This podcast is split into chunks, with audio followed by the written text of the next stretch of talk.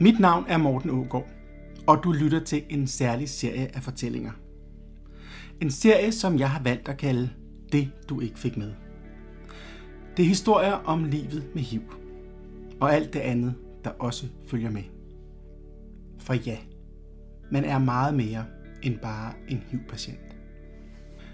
Jeg har i løbet af de måneder, jeg har arbejdet med de her historier, tænkt på, hvordan jeg ville reagere, hvis jeg fik beskeden om, at jeg var blevet smittet med HIV.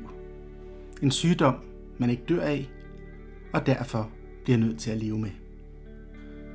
Jeg håber virkelig, at jeg vil kunne bevare mit positive livssyn. Men kan man være sikker på det? Kan det ikke være, at alting ændrer sig, og skyerne kommer og formørker hele tilværelsen? Hvor stærk er positiviteten så? Jeg tror på, at den er stærkere end alt andet. Og det er netop sådan en historie, som vi skal høre i dag. Vi skal møde Annette, en kvinde med livsmod og livskraft, og ikke mindst livsglæde. I 96, der gik jeg på teknisk skole i Horsens, og øh, der havde jeg et øh, forhold til en udvekslingsstuderende, og øh, han gav mig så en venlig lille gave, øh, som jeg ikke opdagede.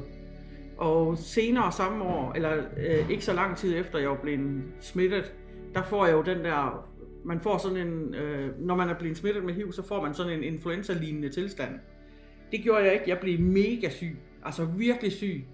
Men samtidig havde jeg en datter på efterskole, og hun fik kyssesyge. Så der fik de så hældt den ind under, at øh, jeg, havde nok, jeg var nok blevet smittet med kyssesyge, og man, bliver, man kan blive rigtig, rigtig syg af det som voksen, hvis man får det. Og jeg var rigtig, rigtig syg, jeg var rigtig syg rigtig lang tid. Øh, der blev aldrig taget en HIV-test, og jeg troede det, jeg har aldrig selv tænkt tanken, overhovedet ikke. Og så øh, i 98, jeg bliver så rask igen efter nogen tid, og så i 98, der møder jeg min øh, ungdomskæreste, som er bosiddende i København. Og øh, så flytter jeg herover. Vi, vi lever faktisk sådan et, et ret... Altså jeg, det eneste, jeg egentlig har, det er mine kollegaer, og så har jeg en enkelt veninde, som jeg har taget med fra Jylland. Øh, ellers så, så er jeg faktisk sådan lidt isoleret. Jeg går ikke rigtig ud, og jeg gør ikke sådan... Jeg, jeg ved sgu ikke rigtigt. Det, jeg har, det er sådan et mysterie i mit liv faktisk, hvorfor jeg ikke, for jeg er meget ud af gående egentlig.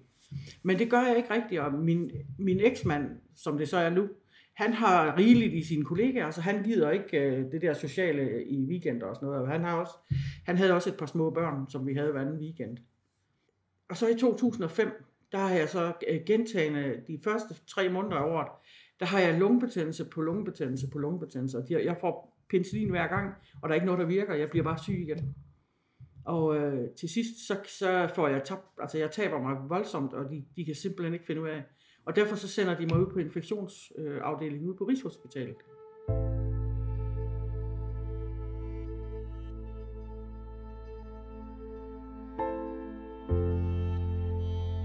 Det er en reservelæge, jeg sidder og snakker med, og, og vi, efter jeg har været derude to-tre gange, så siger, han, så siger jeg, altså nu kan jeg snart ikke, øh, nu kan det snart ikke være enten, enten er det cancer, eller så er det HIV. Og så siger han, tror du, du er HIV-smittet? Nej, det tror jeg bestemt ikke, jeg er, men hvad fanden skulle det snart være ellers? Og så siger han, synes du, vi skal tage en test? Og så sagde jeg, det synes jeg da. Og så tager vi en HIV-test. Og så går der jo de her, jeg tror, der går en uge eller sådan noget. Og så får jeg så svar øh, næste gang, jeg er derude. Og så siger han, ja, den er lige kommet tilbage, den er positiv. Okay. Og så siger han, du, øh, der kommer lige en sygeplejerske, og så viser hun dig lige. Og så kommer der så en øh, ældre sygeplejerske, og hun siger så, ja, det dør man jo ikke af. Og så sætter hun over i et kontor, og så sidder det over helt alene. Og så siger hun, hvis du skal ringe til nogen, så skal du lige trykke 0 først. Og så sidder jeg bare helt alene. Og min verden, den er bare lige gået helt i stykker. Og jeg tænker, hold da kæft. Og jeg ved ikke, hvem jeg skal ringe til. Og der sidder Annette. Verden er lige faldet sammen. Og der er en telefon. Men hvem skal hun ringe til? Hvem vil du ringe til? Hvem vil jeg ringe til? Kan man overhovedet fortælle sådan noget i en telefon? Jeg var nødt til at ringe til min mand på det tidspunkt og, og sige, at han var nødt til, han var heldigvis hjemme den dag, at øh, han var nødt til at komme ud, fordi det her, det kunne jeg sgu ikke lige kapere. Det kunne jeg godt nok ikke. Og så ringte jeg til min veninde, fordi hende vidste jeg, at jeg godt kunne, hun kunne godt klare det. Så vi havde en vældig snak. Men jeg følte mig virkelig helt alene. Altså, virkelig alene. Når det, når det gælder, så tuder jeg jo ikke. Altså, så, bliver, så er jeg jo bare, du ved, så kører man, så bliver man bare hård. Men der løb delerne i med mange tanker igennem min hoved. Altså, det gjorde der virkelig. Jeg tænkte nu, selvom hun siger, det dør du ikke af, så har jeg jo lige været, altså, så har jeg jo lige været, jeg, altså, jeg, jeg er ikke klar over, hvor tæt jeg rigtig, rent faktisk er på det. Fordi mit immunforsvar, det er simpelthen helt nede. Øh, og jeg bliver så sat på en, øh, fordi det er jo så er i AT udbrud, ikke? så jeg bliver sat på sådan en, øh, en kur for at få den væk, inden jeg kan komme på, på øh, HIV-medicin. Jeg, jeg troede faktisk, at øh, jeg troede, jeg skulle ende bare nær. Det, det ramlede helt for mig. Det må jeg, det må jeg sige. Og, men jeg, altså, jeg, jeg har bare en, en styrke til at holde mig selv op. Så min mand han kom, og, øh, og han kan slet ikke kapere sådan noget. Så, og han skulle så også have taget en test, ikke? og heldigvis har jeg ikke fået, ja, han var heldigvis ikke smittet. Selv samme sygeplejerske siger så til ham, fordi da han er ude at få taget testen, og den så er negativ, så siger hun så, ja, du skal jo nok lade være at have sex med din kone fremover. Det er en dårlig idé. Ikke? Og det var sådan, hold nu kæft, en gammeldags indstilling. Ikke? Men den lyttede han til, så vi, øh, vi havde meget platonisk, rigtig dårligt ægteskab efter det. Altså, og efter fire år, så kunne jeg simpelthen ikke mere, jeg brød ud. Og det var fordi, at øh, jeg, jeg fandt ud af, at der var noget, der hed HIV Danmark. Og jeg ringede ned og snakkede med en af deres øh, rådgivere. Og øh, der snak, vi snakkede blandt andet bivirkninger, fordi indlægssedlen for bivirkninger af, af HIV-medicin, den er simpelthen flere kilometer lang. Og jeg tænkte, det tør jeg slet ikke tage. Og så fik hun snakket mig til ro, og så, øh, hvad hedder det, så kom jeg til, nå jo, men det er jo også rigtigt nok, hvis du tager bare Panodil, ikke? Altså, så er der jo også en lang indlægssædel, ikke? Så, nå, okay, godt. Jeg starter medicinen, og så ser vi, hvordan det går. Det gik faktisk meget godt. Og øh, så havde, og de, har, de har jo så rådgivere siddende til rådighed, og der startede jeg op i rådgivning hos en, der hedder Allan, som er psykoterapeut. Og ham gik jeg hos i de samfulde 18 måneder, til han selv sagde op. Så det, det, vil jo, det vil jo sige, at det der skete, det var, at min mand han blev stående på stedet, men jeg sprang jo med 10 mil skridt, fordi jeg gik i terapi hver, anden, eller hver uge faktisk, i, i en lang overrække, over, eller ikke en overrække, men en overgang, og så gik vi så over til hver anden uge. Øh, og det, det, jeg fik bare, øh, jeg fik bare sat, jamen, det var, vi snakkede jo ikke om HIV sådan voldsomt længe, vel? Det blev jo også noget med barndom, og hvorfor jeg er, som jeg er, og hvorfor jeg gør, som jeg gør. Og, så jeg, jeg flyttede mig med mileskridt, og han blev stående stille. Og vi kunne slet ikke, øh, lige pludselig så kunne jeg bare se ham. Øh, han blev bare stående, han blev bare mindre og mindre, du ved, sådan i det fjerne. Og vi måtte skilles. Der måtte, det kunne jeg, jeg kunne ikke bruge, det, vi kunne ikke bruge hinanden til noget. Så, øh, og det, det skete mig bræt, fordi at vi havde et eller andet skænderi, og så sagde jeg, ved du hvad, nu flytter jeg fandme. Det gik simpelthen, han fik simpelthen en chok. Jeg har stået op midt om natten, og altså været helt ud af den, og stortudet. Og han har bare siddet ved siden af, uden at gøre noget som helst. Og så rejser han sig bare op og siger, jeg går i bad. Og så går han i bad, og jeg sidder bare, stadig, altså jeg sidder bare, og jeg, jeg har aldrig følt mig så alene, selvom vi var to. Altså virkelig. Det var helt vildt. En hæslig følelse faktisk. Men jeg havde bare heller ikke måske mod til at bryde ud af den, fordi at selvom jeg havde boet i København i, i, i 10 år, ikke, så havde jeg jo ingenting. Altså, så jeg skulle ud og finde noget bo i, og jeg havde ikke noget net, jeg har ikke sådan et voldsomt netværk over. Så det var sådan lidt, ja, jeg følte mig sgu lidt, øh, lidt alene der. Øh, og jeg fik at vide, at han, øh, det fik jeg at vide af hans børn, at øh, han gik simpelthen rundt i, i, i nattøj og sutsko ned i, når de, han gik tur med børnene nede i bakken. Altså han kunne slet ikke øh, samle sig selv. Men det havde jeg da bare sådan, det fik jeg heldigvis først at vide øh, flere år efter. Fordi det er jo ikke, altså det er jo ikke mit. Det er jo hans, altså jeg, jeg var bare nødt til at skulle leve mit liv. Jeg kan, det kunne jeg ikke bruge, kunne ikke bruge det der til noget. Han hæmmede bare, faktisk.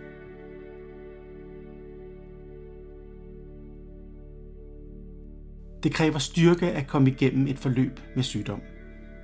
Det er der ingen tvivl om. Men det kan også kræve styrke at komme videre. Også selvom at det måske er den eneste udvej. Men skal man rive hele sit liv op med rødder og det hele? Skal man videre og ikke se sig tilbage? Eller er der noget af en, der hænger fast? jeg havde brug for at blive her, på grund af min, øh, på grund af min sygdom. Men jeg vil så sige også, at inden jeg flyttede fra ham, der startede jeg som frivillig hernede i, i Café Knud. Altså i 2005, da jeg bliver konstateret, der om efteråret, der bliver der lavet et kursus hernede. Og øh, det er fire mandage i træk, og vi, jeg kommer herned og møder 20 andre hivsmittede. Og det var, holdt da op, det var ligesom at komme hjem. Jeg var, det var, jeg var helt blæst om, altså. Øh, vi kunne sidde og snakke om, øh, de havde alle sammen de samme bivirkninger, og de samme problemer, og de samme... Øh, hold da op, altså det var helt fantastisk for mig. Og øh, da de fire uger var gået, så fik jeg, øh, så skulle vi jo ikke ses mere. Og jeg tænkte, det bliver, jeg bliver nødt til at skulle holde fast i det her. Så jeg fik så lavet min egen støttegruppe, og vi kørte faktisk i mange år. Øh, og ses jo sådan stadigvæk en gang imellem. Øhm, og så blev, begyndte jeg som frivillig hernede. Jeg tænkte, jeg bliver også nødt til at holde fast i stedet. Øh, fordi jeg kan mærke, det giver mig det, giver mig det jeg har brug for. Café Knud, det var, øh, det var der, jeg kunne tale med andre. Du møder andre, der er i samme situation, og man føler det der fællesskab. Og, og, jeg, øh, og, det, og det, det var meget vigtigt for mig, fordi jeg havde min mand derhjemme, hvor det var, det taler vi ikke om. Det blev bare øh, skubbet ind under et lille gulvtæppe. Og det, det havde jeg det så skidt med, fordi sådan er jeg slet ikke. Jeg er en åben person. Så jeg havde det så, så jeg havde brug for Café Knud på det. Og, og jeg havde nok også brug for nogle nye venner, og nogen, der var i samme situation. Altså nogen, der kunne, hvor jeg, nogen, jeg kunne spejle mig i. Det havde jeg virkelig brug for. Øhm, jeg begyndte så også at opsøge clairvoyant og sådan noget der, og det gik jeg også meget til i, i en overgang. Begge mine forældre, de døde meget tidligt, i 87 og 91. Så jeg havde sådan bare brug for også lige at få dem med i, i det hele, ikke? Jeg bliver ved med at udvikle mig hele tiden, og, det, og jeg elsker det. Øhm, da jeg så havde været frivillig hernede i 3,5 år, så siger øh, hende, der er leder hernede, hun siger op. Og øh, jeg var faktisk, øh, fordi jeg, min medicin den er meget langsom om at virke, så jeg var sådan led meget af træthed. Så jeg fik øh, tildelt et, øh, egentlig fik jeg tildelt pension, men sagde, at jeg ville egentlig gerne i flexjob i, i stedet for. Og så, øh, så blev det her jo ledet. Det her, det var min hylde. Det var her, jeg skulle være.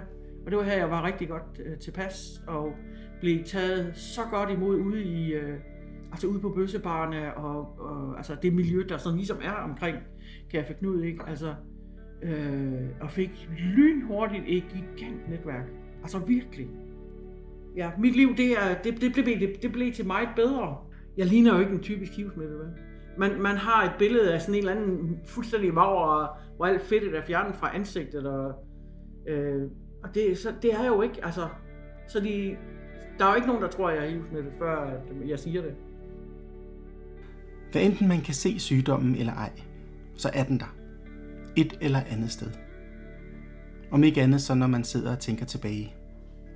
Sådan som jeg har gjort her i forbindelse med nytåret. Man kan ikke ændre noget. Det ved vi. Men vi kan sætte os for, hvor meget det dårlige skal betyde i vores liv. Og også her der er Annette et eksempel at følge.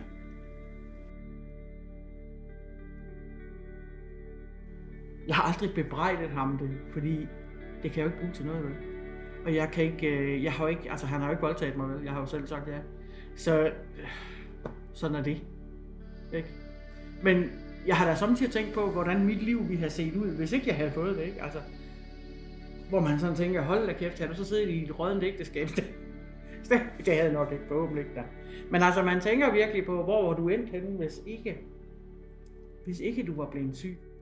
Altså, jeg er egentlig ikke, jeg, jeg synes ikke selv, jeg er bange for at dø. Jeg er bange for, det jeg er bange for, det er, at min familie bliver så ked af det. Det er det, jeg er bange for. Det er det, jeg ikke kan lide. Det er, at jeg skal påføre dem en sorg.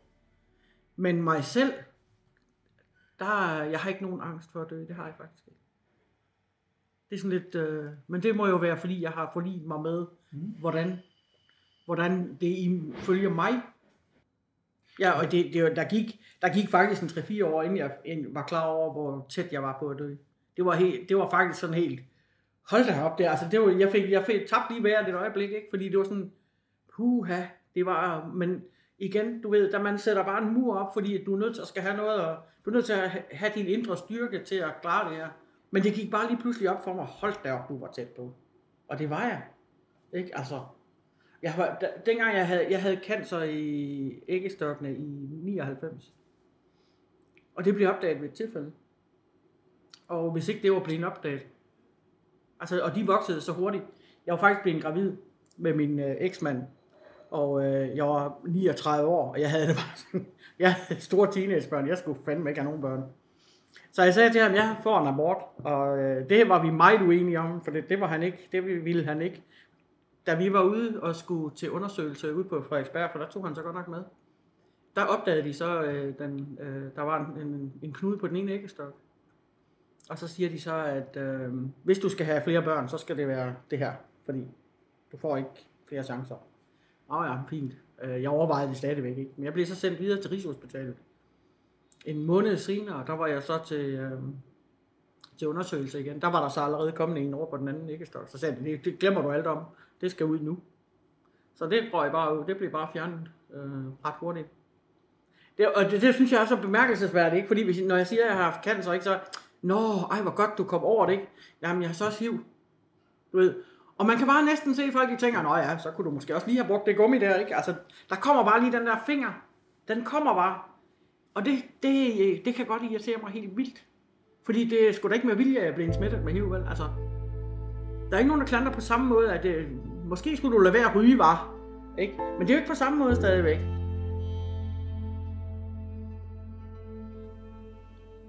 Det selvforskyldte argument, det er så forfærdeligt.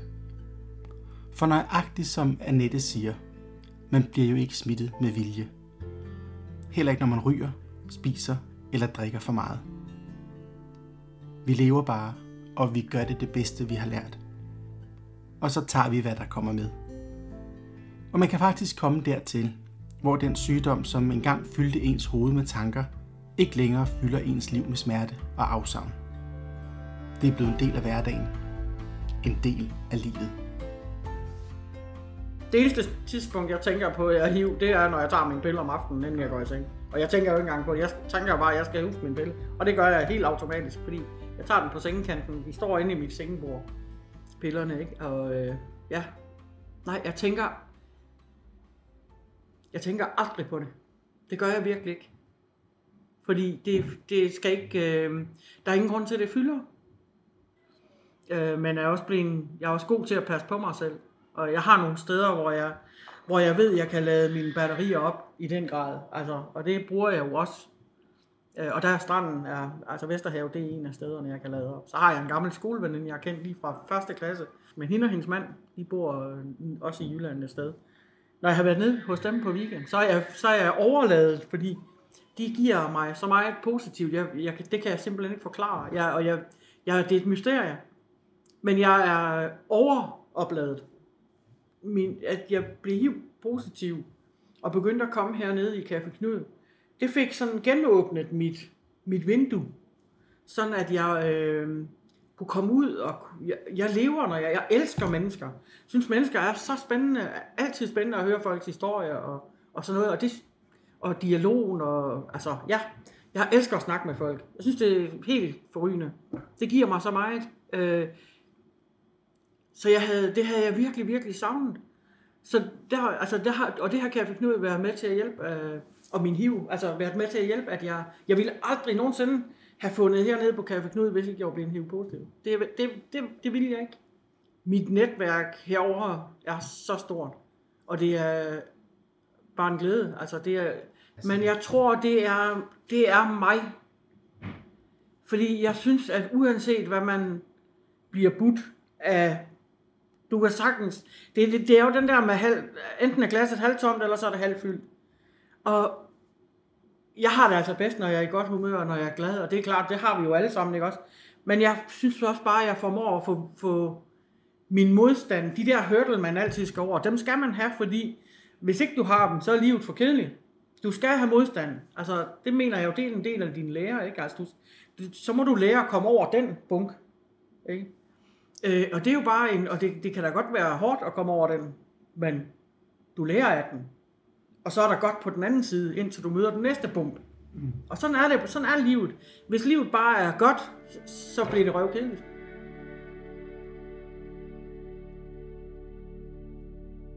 Og en bedre bemærkning kan man ikke finde til at slutte en historie om livsglæde og livskraft. For ja, hvis livet bare er godt, så er det røv kedeligt. Også selvom, at det nogle gange bliver lige lovligt spændende. Annettes positivitet har sat sig fast i mig. Jeg brokker mig over ondt i halsen. Det er for koldt om vinteren og for varmt om sommeren. Jeg bliver møgirriteret, når gajolerne falder ud i tasken. Og jeg kan næsten springe i luften, når hundevalpen tisser på det nyvaskede gulv. Derfor vil jeg lade Annettes historie være en opfordring til mig selv om at se mere positivt på tingene. Og huske, at hvis der ikke var problemer, så var det hele røvkedeligt. Mit navn det er Morten Ågaard, og du kan finde meget mere om den her podcast på facebook.com alle vores historier eller på radiodrama.dk podcast. Du kan også høre alle de tidligere historier via iTunes, eller hvor du nu foretrækker at høre din podcast. Og så kan du læse meget mere om AIDS-fondets arbejde på deres hjemmeside. Den hedder aidsfondet.dk